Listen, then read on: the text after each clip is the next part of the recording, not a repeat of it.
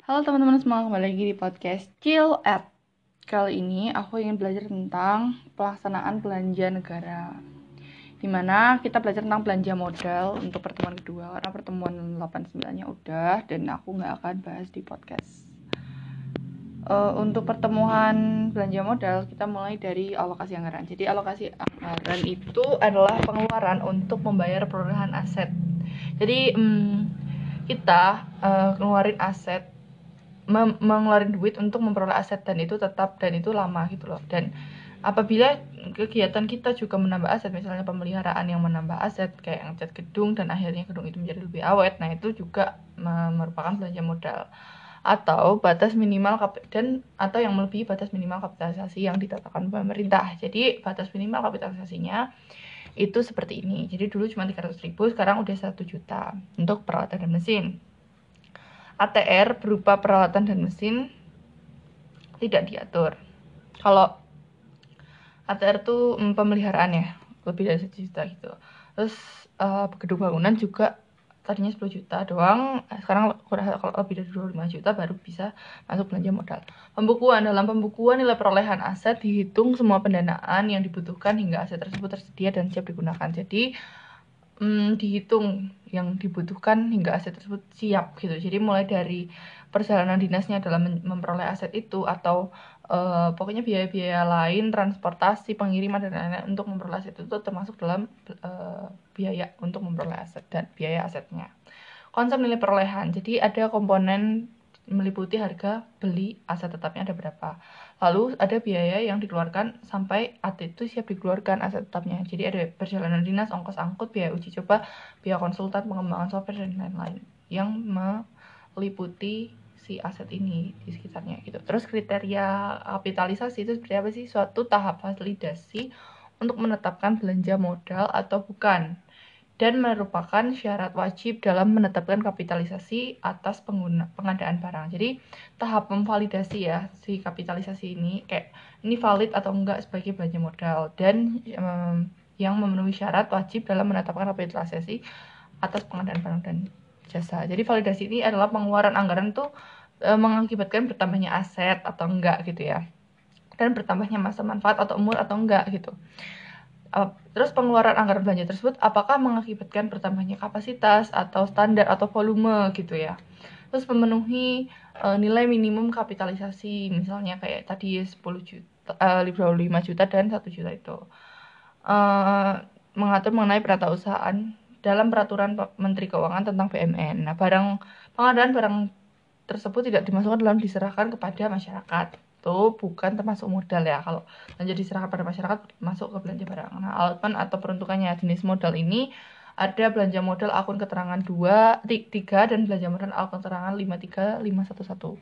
Jadi belanja modal akun keterangan 3 ini meliputi seluruh pengeluaran untuk pengadaan atau memperoleh tanah. Jadi uh, ketika um, seluruh pengeluaran untuk memperoleh tanah itu atau gedung atau mesin atau bangunan dan lain sebagainya berarti meliputi biaya pembelian konstruksinya dan biaya lain-lain dikeluarkan sampai tanah tersebut siap digunakan. Jadi uh, meliputi seluruh peng pengeluaran yang untuk memperoleh tanah atau uh, gedung dan aset-aset lainnya itu.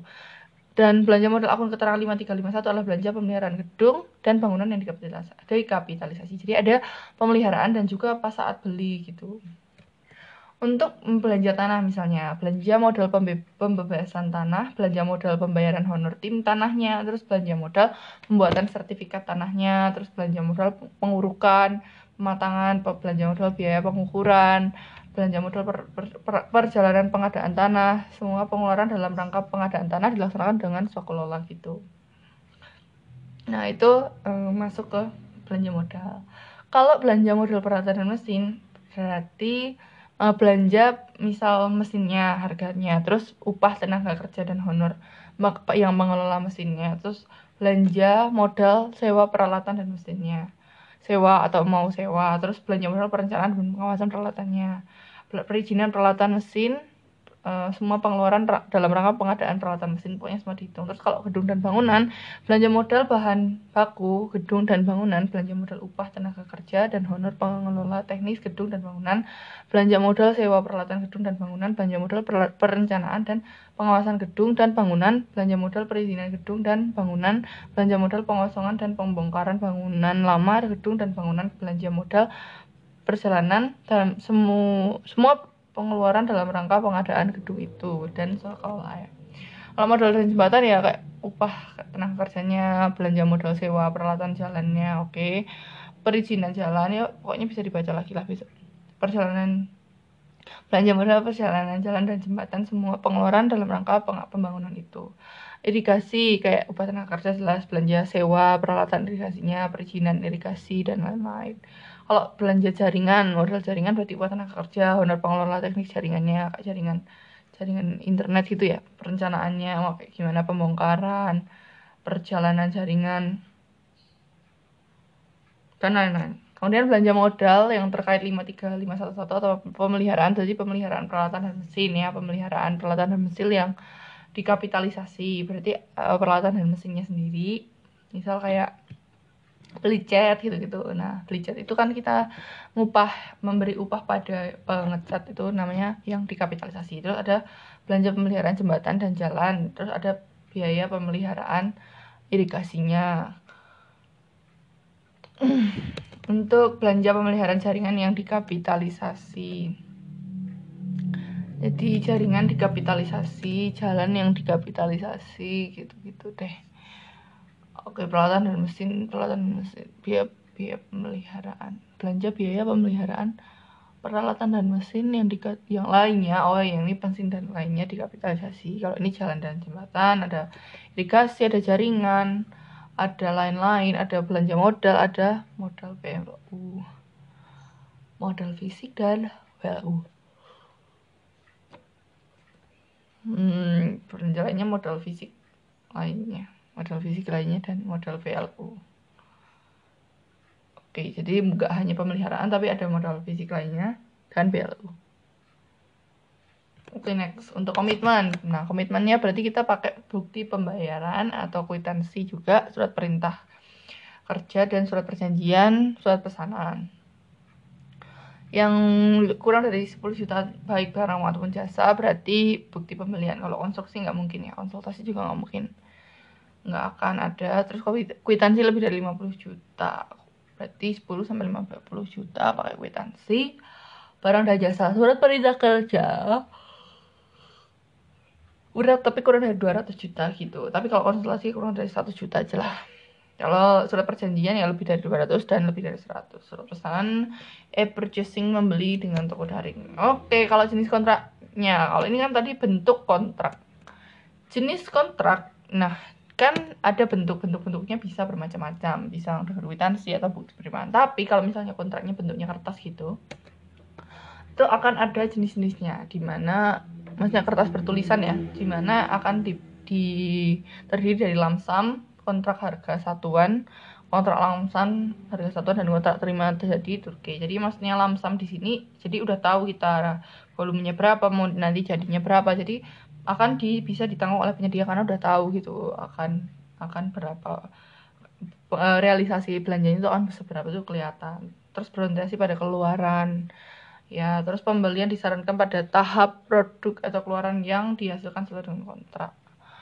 Oke jadi pokoknya berdasarkan kontrak banget dan tahapan produksinya harus jelas. Kalau kontrak seharga satuan berarti eh, perjalanannya belum tahu ya. Kita nggak tahu sampai kapan pembayaran dilaksanakan pengukuran diukur-ukur dulu gitu terus nilai akhirnya ditetapkan setelah seluruh pekerjaan selesai. Seperti sama kayak waktu penugasan gitu yang di jasa. Di mana di situ ruang lingkupnya tuh kita nggak tahu ya sama kayak yang di harga kontrak satuan ini. Jadi nggak tahu volume pekerjaannya nggak tahu waktu yang dibutuhkan juga nggak tahu. Kalau lamsam gabungan jadi dalam satu kegiatan itu ada yang bisa menggunakan lamsam dan harga kontrak harga satuan. Kalau jasa terima berarti udah tahu dan tetap dan bisa dibayarkan berdasarkan termin. Nah, kontrak payung ini belum ditentukan wujud volumenya. Contohnya tadi aku tadi contohkan di catatanku kalau yang kontrak payung itu seperti apa jadi kontrak payung kontrak payung ala perjalanan LS misalnya oh ya perjalanan dinas yang nantinya akan di revolving sama si uh, pusat tapi kita nggak tahu per, apa belinya apa aja gitu hmm, hmm, hmm, hmm. Oke, okay, next pengendalian. Nah, menyusun RKPUN. Jadi dalam rangka kita me mengadakan barang modal, kita harus menyusun rencana kerja barang milik negara. Jadi barang milik negara itu kan menjadi aset negara dan aset berarti belanja modal di mana di situ harus direncanakan supaya nggak terbuang-buang nih uang negara dan termanfaatkan dengan baik. Di mana perencanaan kebutuhan BMN adalah kegiatan merumuskan rencana kebutuhan BMN untuk menggabungkan pengadaan yang telah lalu dengan keadaan yang sedang berjalan berdasarkan melakukan tindakan yang akan datang. Jadi melihat kondisi barang dari yang lalu, yang sekarang, dan yang akan datang. Di mana rencana kebutuhan barang milik negara yang selanjutnya disingkat LKBMN adalah dokumen perencanaan BMN untuk satu, periode satu tahun. Hasil penelaan LKBMN adalah Dokumen penelaan LKPMN antara pengguna barang dan pengelola barang. Penelaahannya.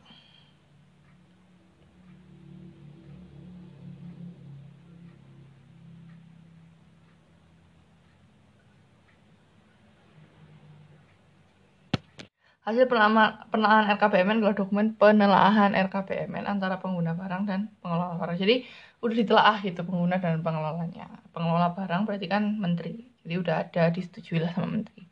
Rencana pengadaan tuh seperti pertama identifikasi kebutuhan. Yang tadi ada di pengertian kita menginkronkan kebutuhan yang sudah pernah kita beli yang udah ada dan kebutuhan sekarang juga kebutuhan yang akan datang dan habis itu menetapkan barang dan jasa apa yang akan kita beli caranya gimana mau sekolah kelola atau mau uh, apa namanya pihak ketiga. Terus jadwalnya mau kapan dan anggarannya PBJ-nya gimana.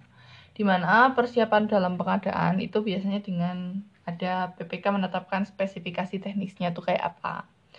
Kayak aku pengen yang kayak gini speknya, harga perkiraan sendirinya tuh buat sendiri dia tuh kayak seberapa sih. Terus rancangan kontrak, rancangan kontrak itu mau mau sebelum ditandatangani gitu loh. Kiranya mau misalnya pihak ketiga mau menambah poin kontrak bisa. Nah, untuk uang muka, jaminan uang muka, jaminan pelaksanaan, jaminan pemeliharaan, sertifikat gratis atau penyesuaian harga. Oke, jadi sertifikatnya gratis. Penetapan spesifikasi teknis. Spesifikasi teknis.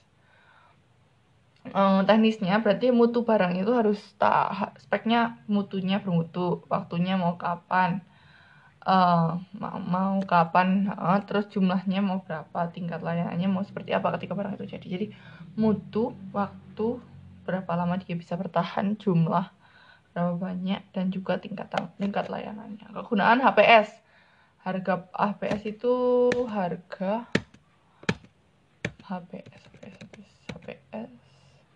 oh iya harga pokok sendiri ya. Harga perkiraan sendiri. Menilai kewajaran harga penawaran dan wajaran harga satuan. Wah kemahalan nih gitu menilai. Jadi kita udah punya standar dulu sebelum menawar ataupun mengetahui trik dari um, pihak ketiga. Terus menetapkan batas tertinggi penawaran. Kira-kira mau sampai berapa tingginya udah wajar tapi masih bisa lah naik dikit-dikit tapi ada batas tertingginya. Terus menetapkan besaran jaminan pelaksanaan. Jadi ada jaminan untuk supaya melaksanakan tugas karena sudah dikasih uang muka. Jenis kontrak berarti kan ada jenis barang spesifikasi teknik volume kompleksitas pekerjaan lama waktu. Jadi ada di dalam jenis kontrak itu uh, ada jenis barang atau jasa, speknya, volume, kompleksitas, kesulitan atau resiko, risiko, kesulitan atau dalam resiko pekerjaan, lalu lama pengerjaannya. Tugas dan menang pengguna anggaran sebenarnya melakukan tindakan yang mengakibatkan pengeluaran anggaran belanja gitu loh supaya uang negara itu bisa terserap di, di masyarakat di mana pengadaan perjanjian dalam pakaian pak pihak lain adalah batas anggaran yang ditetapkan jadi mengadakan perjanjian dengan pihak lain yang batas anggaran yang ditetapkan. Mengadakan perjanjian dengan pihak lain. Jadi tugasnya mengajak perhatian orang-orang lain di luar sana terus melakukan tindakan yang mengakibatkan pengeluaran oh, terus menetapkan perencanaan pengadaan mengumumkan RUP menetapkan konsolidasi PBJ menetapkan petunjuk langsung untuk tender atau seleksi ulang gagal. Kemenangan GHI terdapat tidak dapat didelegasikan pada KPA untuk pengelolaan APBN. Jadi kenapa nggak dapat? Karena pertama menetapkan PPK, pejabat pengadaan PJPH, menyelenggarakan swakelola, tim teknis dan tim juri untuk ahli pelaksanaan e, melalui sayembara atau notes, menyatukan menyatakan tender atau seleksi gagal, menyatakan tender atau seleksi gagal. Oke, terus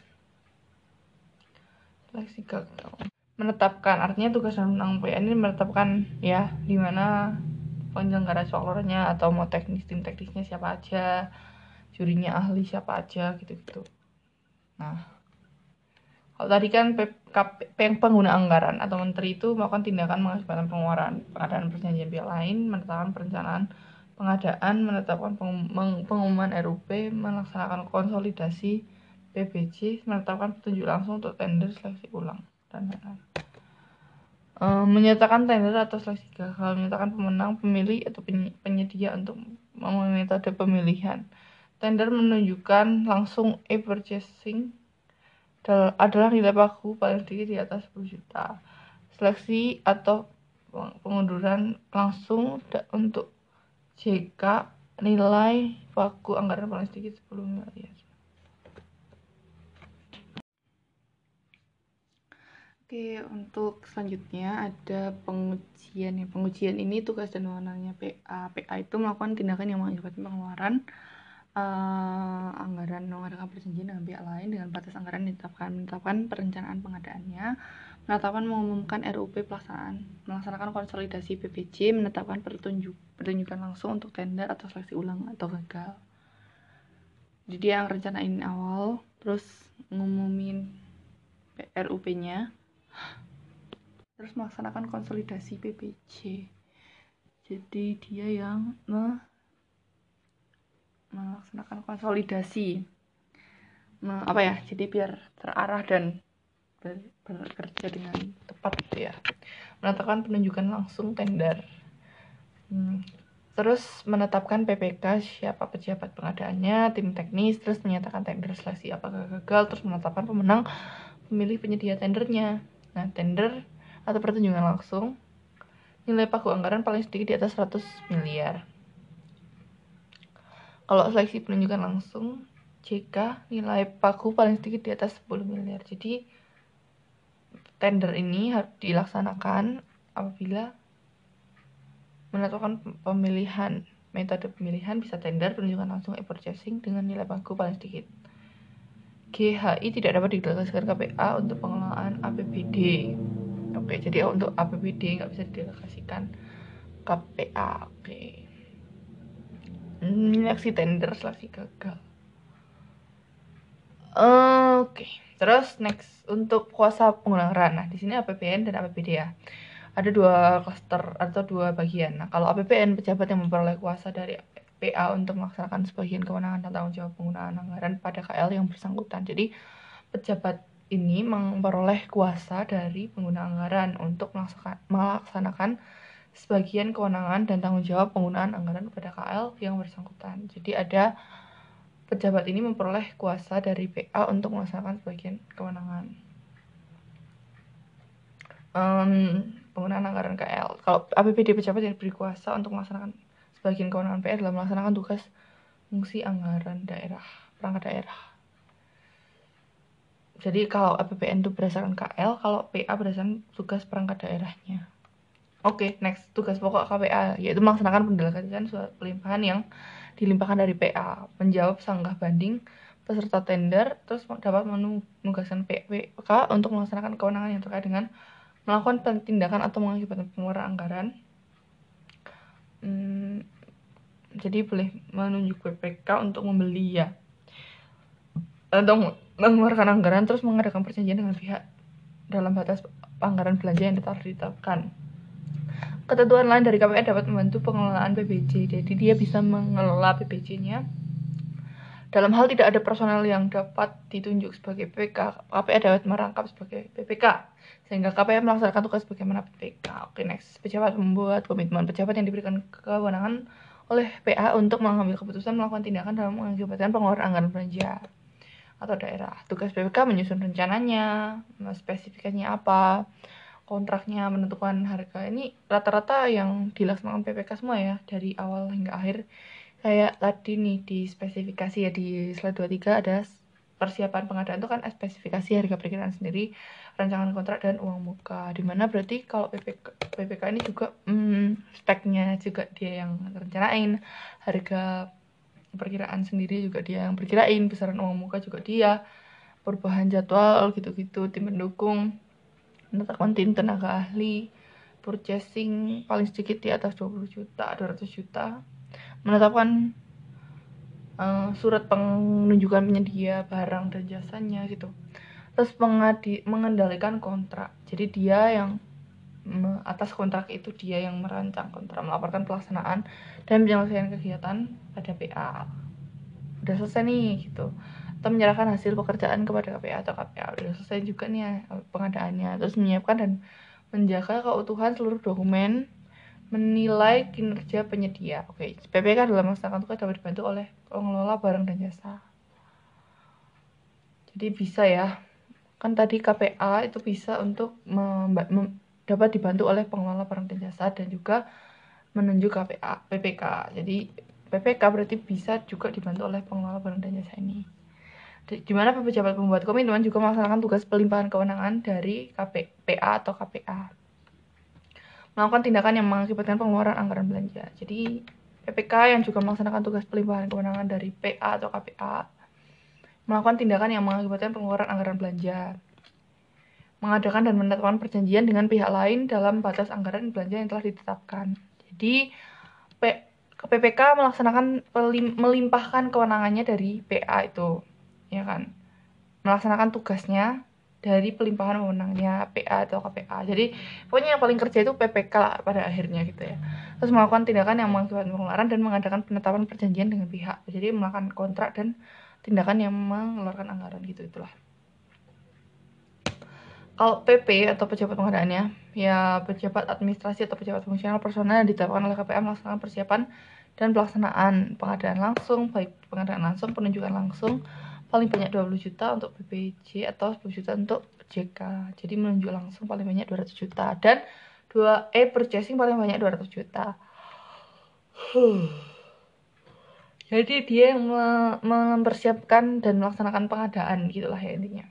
Baik dari administrasi fungsional gitu-gitu. Nah pokja pemilihan. Jadi kelompok kerja pokja kan pokja kelompok kerja Pemilihan yang aslinya disebut Pokja pemilihan adalah sumber daya manusia yang ditetapkan oleh pemimpin UAK PBJ, unit kuasa pengguna barang dan jasa untuk mengelola pemilihan penyedia. Jadi kan penyedia itu kan di melalui tender di mana nanti akan dipilih ada panitia pemilihan kayak pemilunya lah panitia pemilunya yang namanya ini pokja pemilihan. Kalau tugasnya berarti memilih penyedia itu yang tepat yang mana, di mana pemilihan pemen, pemenang pemilihan berarti tender penunjukan langsung dengan nilai anggaran tender atau penunjukan langsung barang dan jasa dengan nilai anggaran paling sedikit paling banyak itu 100 juta ya. Kalau seleksi penunjukan langsung dengan nilai bagus besar paling banyak 10 juta 10 miliar sorry 100 miliar untuk barang dan 10 miliar untuk jasa. Pokja pemilihan beranggotakan tiga orang ya berdasarkan pertimbangan kompleksitas penyedia pemilihan penyedia dapat ditambah sepanjang berjumlah kasal jadi harus ganjil dapat dibantu oleh tim tenaga ahli. Nah tadi kenapa ada minimal?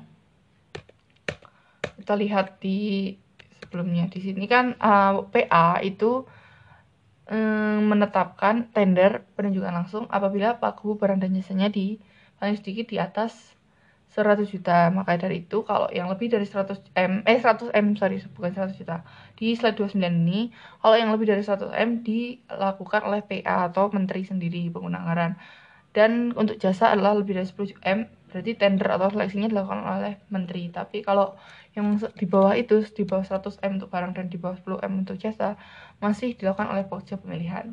Terus ada juga pejabat pemeriksa hasil pekerjaan PJPHP, pejabat administrasi fungsional personal yang ditetapkan oleh PA KPA yang bertugas menetapkan administrasi hasil pekerjaan PBJ. Jadi kalau yang tadi PP atau pejabat pengadaan yang mengadakan dan mempersiapkan pengadaan kalau ini hanya memeriksa administrasinya doang. Nah, tugasnya memeriksa administrasi hasil pekerjaan PBJ-nya ya kayak e, pemeriksa lah ya biasa. Kalau memeriksa paling banyak 200 juta JK paling banyak 100 juta. Gitu-gitulah coba memeriksa segitu. Untuk pejabat pemeriksa hasil pekerjaan P, PPHP kalau yang tadi kan pejabat pemeriksa hasil pekerjaan. Kalau yang ini panitia pemeriksa hasil pekerjaan. Jadi udah ada panitianya. Tim yang aduh ada tim. Kalau yang tadi kan cuma pejabat hanya satu. Kalau ini tim yang bertugas memeriksa administrasi hasil pekerjaan BPJ gitu. Tugasnya memeriksa administrasi hasil pekerjaan BPJ uh, paling sedikit 200 juta dan paling sedikit 100 juta ya. Ini lanjutannya ya. Kalau misalnya lebih dari 200 juta pakai panitia. Kalau yang jasa lebih dari 100 juta pakai panitia. Pemeriksa hasil pekerjaan atau PPHP pembayaran. Nah sekarang kita masuk ke pembayaran kalau yang tadi kan kita um, di bab yang uh, yang namanya apa sih. Uh, ini tadi komitmen udah pengendalian udah ini peng pengujian ya tadi. Pengujian itu siapa aja pejabat yang berwenang menguji.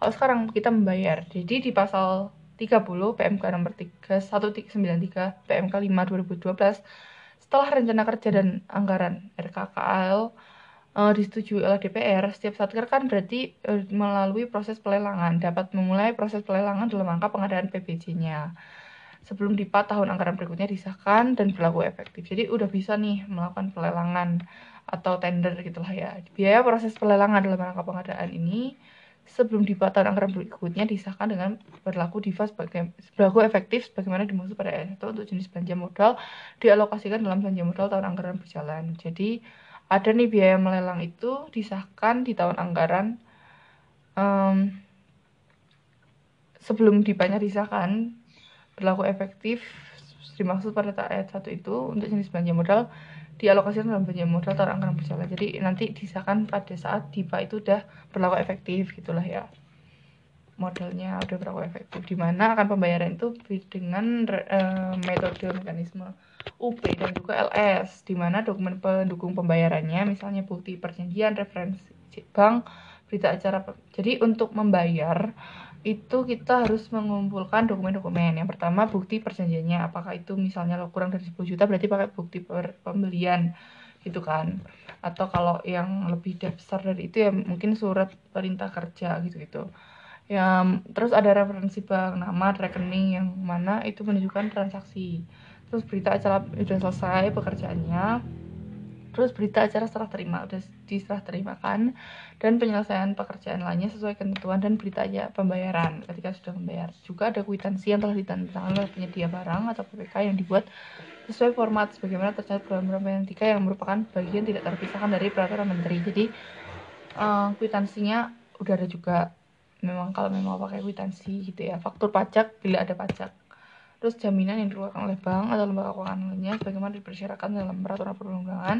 Terus dokumen lain yang dipersyaratkan dalam kontrak itu yang dananya sebagian sebagian atau seluruhnya bersumber dari pinjaman atau hibah luar negeri sebagaimana dipersyaratkan dalam naskah perjanjian pinjaman atau hibah luar negeri. Jadi ada dokumen lain yang disyaratkan ya. Itu pembayarannya bisa LS dan UP kita hanya tinggal memenuhi dokumen-dokumen aja terus pajak terakhir pajak terkait sorry sorry pajak terkait itu ada yang namanya uh, eh, PPN dan PPH di mana pengenaan PPN dan PPH terhadap, terhadap pembelian barang berdasarkan pada PMK ini. Pemungutan pajak oleh bendahara pemerintah misalnya. Batas atas harga barangnya kan 22 juta. Hmm, dikenai PPN 10% dan PPH 1,5% tapi kita menerima PPH PPN 10% kepada pembeli pe, penyedia gitu mungkin ya. Nah berarti kalau ini kan oleh bendara pemerintah. Tapi kalau pajak oleh BUMN misalnya 10 juta ya sama ya 10% ya PPN batas oh batas kena PPN itu 10 juta. Untuk yang batas kena pajak atau PPH 22 itu 2 juta kalau dia bendahara pemerintah. BUMN lebih besar. Nah untuk kewajiban perpajakan bendahara ya. Bendahara tuh yang sebagai memungut pajak di mana bendahara pemerintah atau kuasa penggunaan dan kuasa penggunaan sebagai pemungut pajak pada pemerintah pusat, pemerintah daerah, instansi atau lembaga pemerintah dan lembaga negara lainnya yang berkenan dengan pembayaran atas pembelian barang. Itu. Jadi bendahara pengeluaran berkenan dengan pembayaran atas pembelian barang yang dilakukan dengan mekanisme uang persediaan. Jadi bendahara berkenan membayar pembelian barang dengan mekanisme UP di mana kuasa pengguna anggaran menerbitkan surat perintah membayar diberi delegasi oleh KPA berkenan dengan pembayaran dan pembelian barang pada pihak ketiga dilakukan dengan mekanisme LS di mana perpajakannya dikecualikan pemungutan PPh 22 sebagaimana diatur. Misalnya pembayaran atas penyerahan barang bukan jumlah dipecah-pecah meliputi pembayaran paling banyak itu 200 juta tidak termasuk PPN atau PPNBM. Jadi uh, paling banyak itu ke, ini kecuali ya. Dikecuali apabila paling banyak 22 juta ya kalau untuk bendahara bendahara pemerintah yang memungut jadi di bawah 2 juta itu tidak dipungut PP tidak dipungut PPN atau PPH gitu ini 2 juta ini tidak termasuk PPN ya. Dan PPN BM tidak termasuk jadi bersih. Kalau pembayaran untuk pembelian bahan bakar minyak bahan bakar gas itu nggak usah kasih PPH pemakaian air listrik itu nggak usah. Pembayaran untuk pembelian barang sehubungan dengan bantuan dana operasional sekolah itu nggak usah. Nah, perhitungan pajaknya misalnya kayak subjek yang dikenakan PPH 22 dan subjek yang dipungut adalah vendor atau rekanan yang menjual barang atau melakukan pengadaan barang kepada instansi atau lembaga pemerintah. Jadi ada nih uh, oknum yang dikenakan PPH atau yang dipungut. Vendornya ternyata yang dipungut yang menjual barang atau melakukan pengadaan kepada instansi pemerintah. Jadi kita membayarkan pajak ke pemerintah pusat, tapi kita juga memungut pajak dari subjeknya yaitu penyedia atau vendor kita yang kita iniin yang apa yang kita pesenin misal kita pesen meja ya pembelian itu nanti PPN atau PPH dua-duanya juga akan dikenakan pada mereka di mana bendaharawan pemerintah wajib memotong PPH pasal 22 dan pembayaran tersebut dengan tarif 1,5 persen, 1,5 persen. Tarif ini akan ditingkatkan 100 persen dari tarif seharusnya apabila vendor atau rekan bendahara tidak mempunyai NPWP. Oke. Okay. Bendahara pemerintah wajib memotong PPh 22 atas pembayaran tersebut dengan tarif 1,5 persen, 1,5 persen. Tarif ini akan ditingkatkan. Nilai yang dijadikan DPP atau dasar pengenaan pajak adalah sebagai sebesar harga pembelian tetapi tidak masuk PPN. Jadi uh, harga bersih ya. Hmm, jadi yang dipotong PPh 22 tarif 1,5 persen. Nah, dan bila tidak mengenaikan PPP akan dikenai 100%. Nilai yang dijadikan di PP dasar pengenaan pajak adalah sebagian sebesar harga pembelian tetapi tidak termasuk pajak pertama nilai. Sampai saat ini belum ada satupun surat atau penjelasan terkait adanya PPNBM. Tetapi hampir semua praktisi pajak berpendapat bahwa apabila dalam harga pembelian itu sudah termasuk PPN BM, maka PPNBM juga tidak termasuk dalam DPP PPH pasal 21 alasannya sederhana karena tidak mungkin pajak PPNBM dikenakan pajak PPH 21 kita mau simulasi kasus. Misalnya soal nomor satu. Wow ada soal. Misalnya satu perusahaan selaku vendor belum PKP melakukan pengadaan barang pada salah satu instansi pemerintah dengan tagihan 250 juta. Hitunglah PPN-nya, PPNPM, PPH, 22 dan jumlah bersih yang diterima vendor.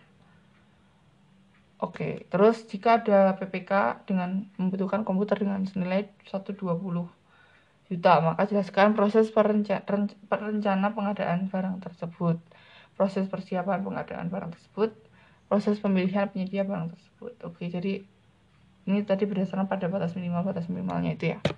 Terus soal nomor tiga, Anda adalah seorang PPK sebuah satker di lingkungan Kementerian X. Apa yang Anda lakukan ketika menemui masalah sebagai berikut? Terjadi kesalahan volume pekerjaan sesuai dengan perjanjian kontrak yang telah disepakati. Hmm, Oke, okay, ada uh, kesalahan volume terjadi keterlambatan penyelesaian pekerjaan di waktu yang disepakati dalam kontrak, jelaskan alasan dari setiap tindakan yang diambil. Ini bisa sih ada ada udah pernah aku jawab. terus soal nomor 2 nanti ada Irin-Irin pernah jawab soal nomor 2 ini oke okay. oke okay, next aja ya terima kasih atas pertemuan 11 dari PPNBM kita akan lanjut ke pertemuan selanjutnya